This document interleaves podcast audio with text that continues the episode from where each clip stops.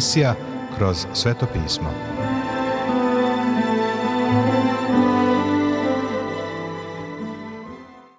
Dobroveče, poštovani slušaoci i dobrodošli u još jednu emisiju programa Kroz sveto pismo, programa koji je za vas napisao Vernon McGee, a pročitao Milivoje Maksimović.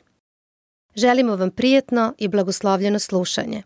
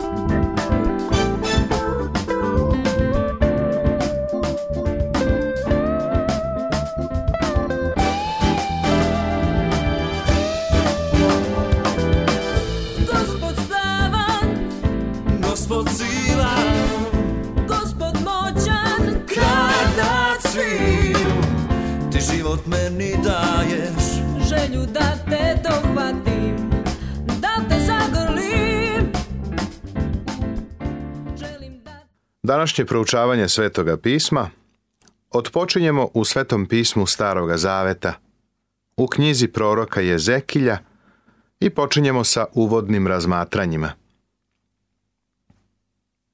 Knjiga proroka Jezekilja Uvod Pisac Jezekilj je bio sveštenik, prema trećem stihu prvog poglavlja knjige proroka Jezekilja – ali nikada nije služio u toj službi, jer je sa robljem odveden u Vavilon, tokom Joahinove vladavine. Vidi drugu knjigu o carevima, 24. poglavlje, od 10. do 16. stiha. Joahin je u to vreme bio judin car, a nasledio je Joakima. Tokom 11 godina Joakimove vladavine odigrala se prva deportacija naroda. Tada je i Danilo zarobljen. Joahin je tada došao na tron i vladao samo tri meseca. Godine 597. pre Hrista odigrala se druga deportacija i tada je Jezekilj zarobljen. Jezekil je bio Jeremijin i Danilov savremenik. U to vreme Jeremija je već bio starac. Svoju službu je počeo kao mladić, tokom vladavine cara Josije. Ostao je sa zarobljenim narodom u Egiptu. Tako je njegova služba u to vreme bila ograničena na ostatak naroda u Egiptu. Danila su odveli na dvor Vavilonskog cara i on je postao premijer. Tada je Jezekilj sa robljem doveden na obale Vavilonskih reka. Zarobljeni narod je bio smeten pored velikog kanala reke Eufrat – koji se nalazio nekoliko kilometara udaljen od Vavilona. Jezekiljina služba je bila usmerena na taj narod. Psalam 137. je psalam ostatka izraelskog naroda. Na vodama vavilonskim seđa smo i plaka smo opominjući se Siona. O vrbama sred njega veša smo harfe svoje, kažu prva dva stiha 137. psalma.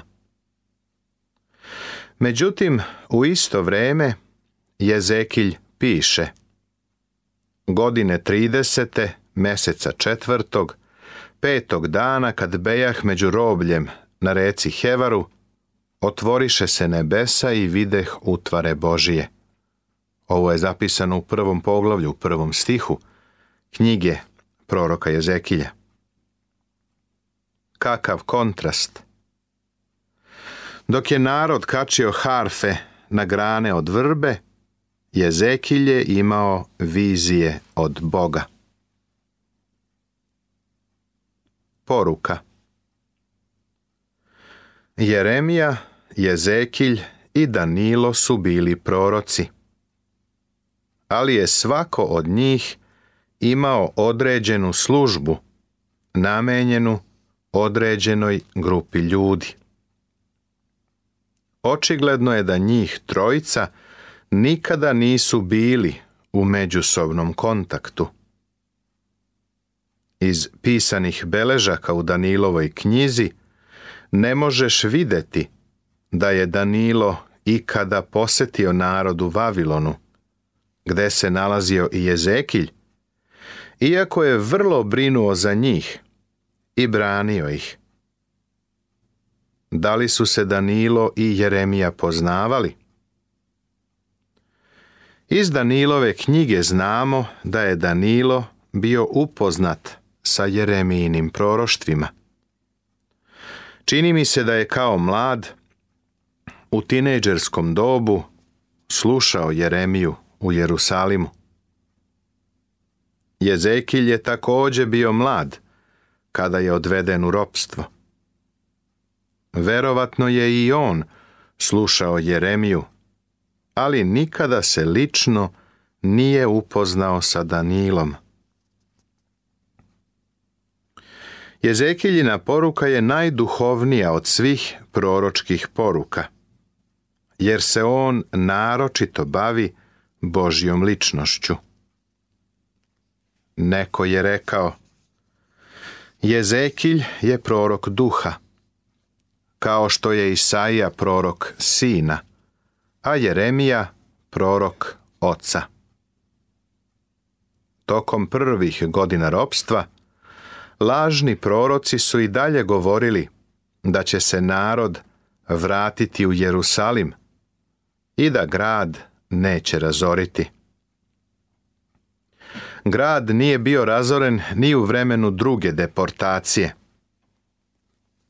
Nisu ga razorili sve do 586. godine pre Hrista, kada je Navuhodonosor krenuo na grad treći put i tada ga je razorio i zapalio. Jeremija je poslao poruku u Vavilon i rekao je da će grad biti razoren, a Jezekilj je potvrdio tu poruku. Upozorio je narod da mora da se okrene Bogu pre nego što budu mogli da se vrate u Jerusalim. Kada je došlo vreme, mali broj naroda se okrenuo Bogu i oni su se vratili u Jerusalim vrlo obeshrabreni. Njegov metod Jezekilj je počeo sa službom pet godina nakon što je zarobljen. Imao je oko 30 godina. U mnogo čemu to je bilo najmračnije doba u kojem je on govorio. Stajao je u dnu doline na najtamnijem uglu. Morao je da se suočava sa lažnom nadom koju su davali lažni proroci, kao i sa ravnodušnošću i utučenošću koje su se u tim danima greha i katastrofe stvarale narod nije hteo da sluša njegovu poruku. Zato je pribegao novom metodu. Umjesto da govori u parabolama, kao gospod Isus, on je postupao po tim parabolama. Činio je vrlo zanimljive stvari. U Jezekilji 24. poglavlju 24. stihu čitamo – i Jezekilj će vam biti znak. Činit ćete sve što on čini. Kada to dođe, poznaćete da sam ja gospod, gospod. Narod nije hteo da sluša njegove reči. Zato će ih on uraditi. Po njima će postupiti i na taj način privući veliku pažnju. Imamo ljude koji i danas primenjuju isti metod. I dalje postoje ljudi koji nose plakate, koji postavljaju jarbol za zastavu. Ljudi koji ovako rade privlače pažnju i stiču publicitet. Ovo je bio i Jezekiljin metod. Jednom prilikom je ušao u kuću zatvorio se i počeo da kopa.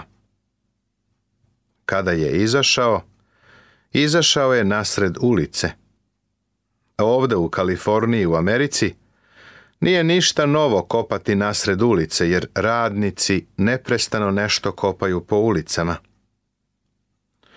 Ali u Jezekiljino vreme, kada bi se čovek jednoga dana pojavio iz rupe na ulici, ljudi bi se prirodno okupili oko njega i rekli kakva se ideja krije iza ovoga. Jezekil je za njih imao poruku i uputio ju je.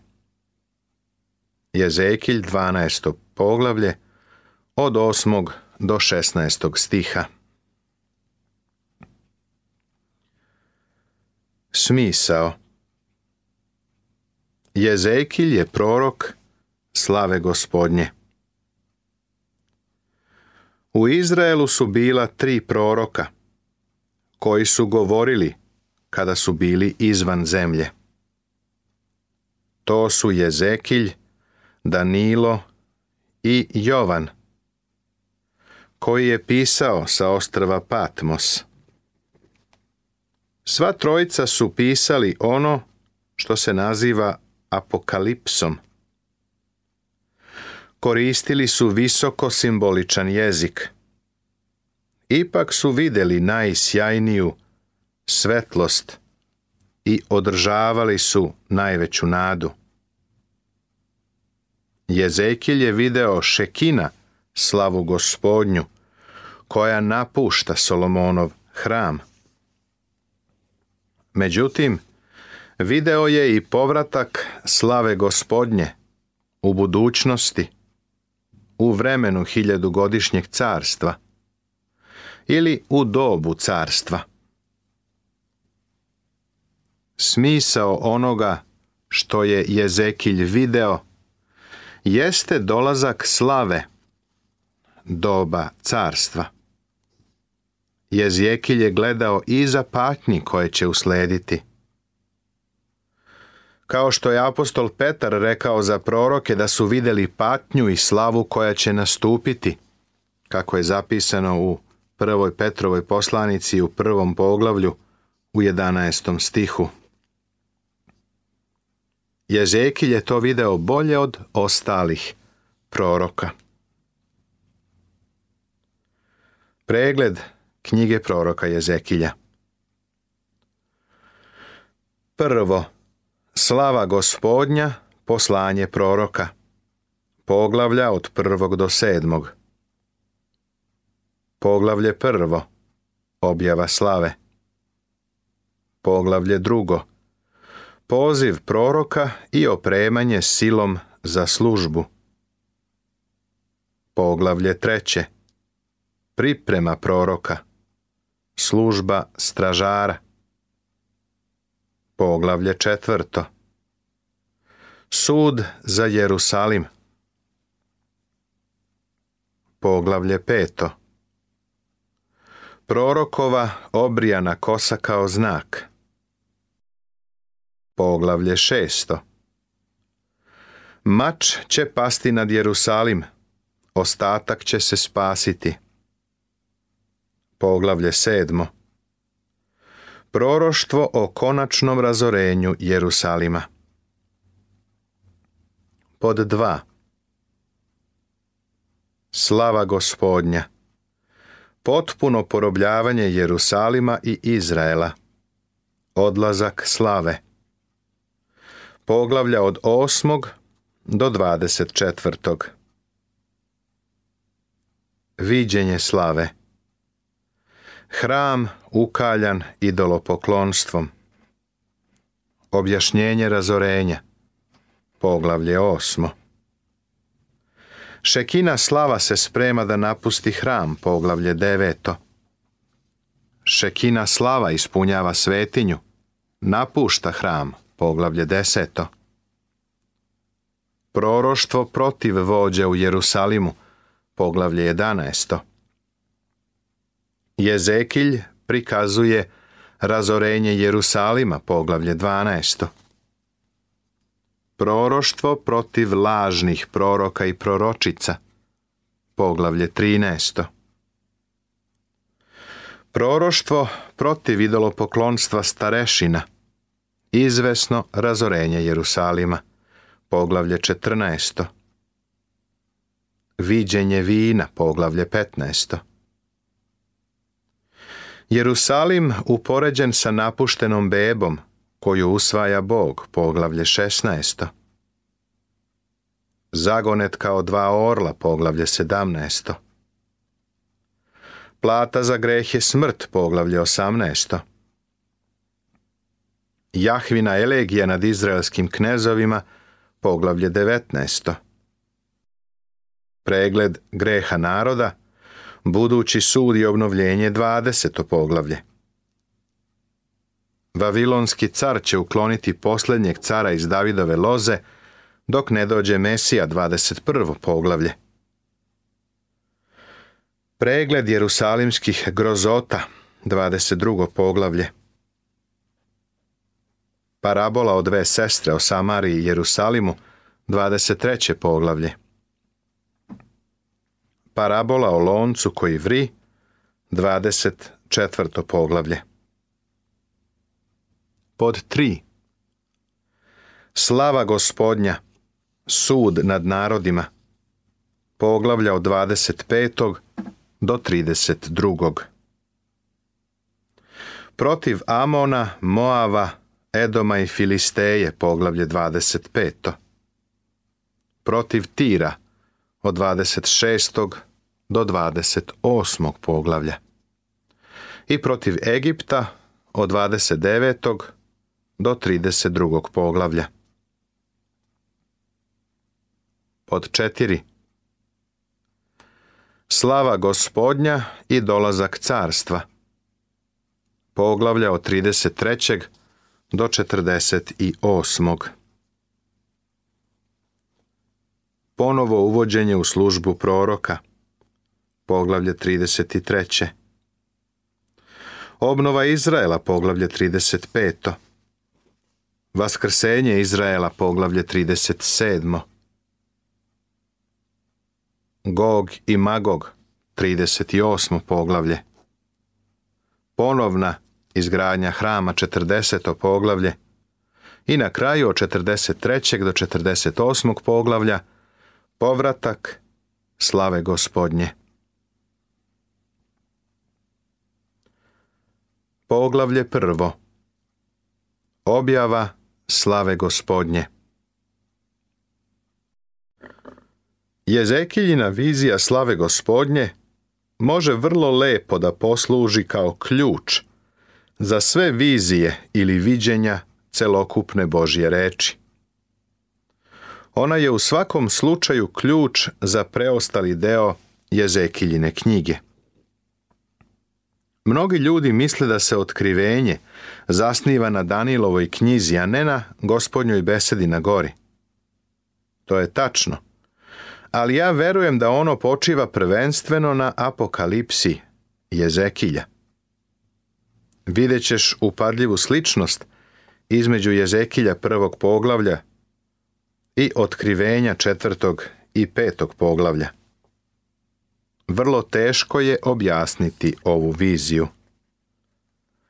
Jean Calvin je rekao Ako iko pita da li je vizija bila razumljiva, ja priznajem da je nejasna i da je ja jedva razumem. Ja sam svakako u tom smislu sledbenik Žana Kalvina da moram da se složim sa ovom njegovom izjavom. Ni ja jasno ne razumem jezekiljinu viziju. Međutim, siguran sam da ova vizija nije ovo. Nije viđenje savremenog mehaničkog doba. Jezekiljeva vizija točkova u točkovima nije proroštvo o avionu. Kada su tek bili konstruisani stari avioni na propeler, nekoliko propovednika koji su tumačili proroštva je govorilo da je ova vizija proroštvo o avionu. Danas imamo mlazne avione koji nemaju točkove u točkovima. Pa moramo da odložimo ovo tumačenje. Ovakva tumačenja su detinjasta i nezrela. Nerazumna i senilna naglabanja su doveli proroštvu u nezavidan položaj. Ono što imamo u prvom poglavlju Jezekiljinog proroštva, po mom uverenju, jeste viđenje slave gospodnje. U knjizi proroka Isaije nalazimo na principe Božijeg trona. U proroku Jeremiji imamo praksu tog trona, ali u Jezekilji imamo osobu koja je na tom tronu. Hoću odmah da dodam da u viziji nije izložen sam Bog, nemamo prozor kroz koji ga vidimo. Kada sam počeo svoju službu, ovo sam smatrao viđenjem Boga. Ali nije tako. Ovo je viđenje slave Božije. Viđenje prisustva Božijeg. Ovdje imamo viđenje kola Božijih on pobedonosno i neodoljivo juri kroz vreme. U ovoj viziji postoji jedna odlika koja me je šokirala kada sam je otkrio. Kola su prazna. Bio sam siguran da je Bog bio u njima.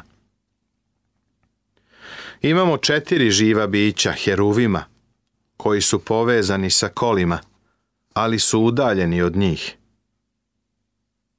iznad svega je tron na tronu čovek.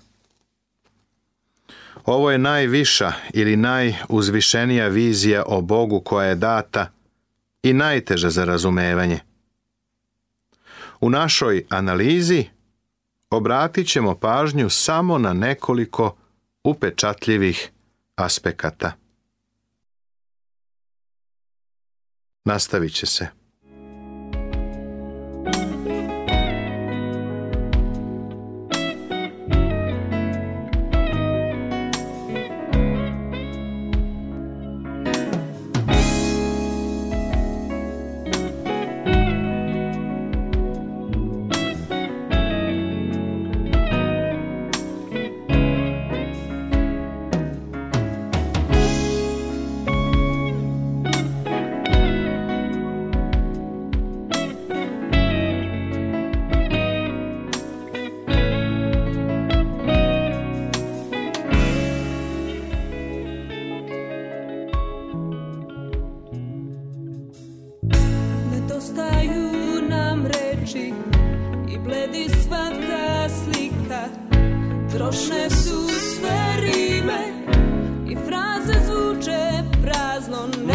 smo pred Tobom, Gospode.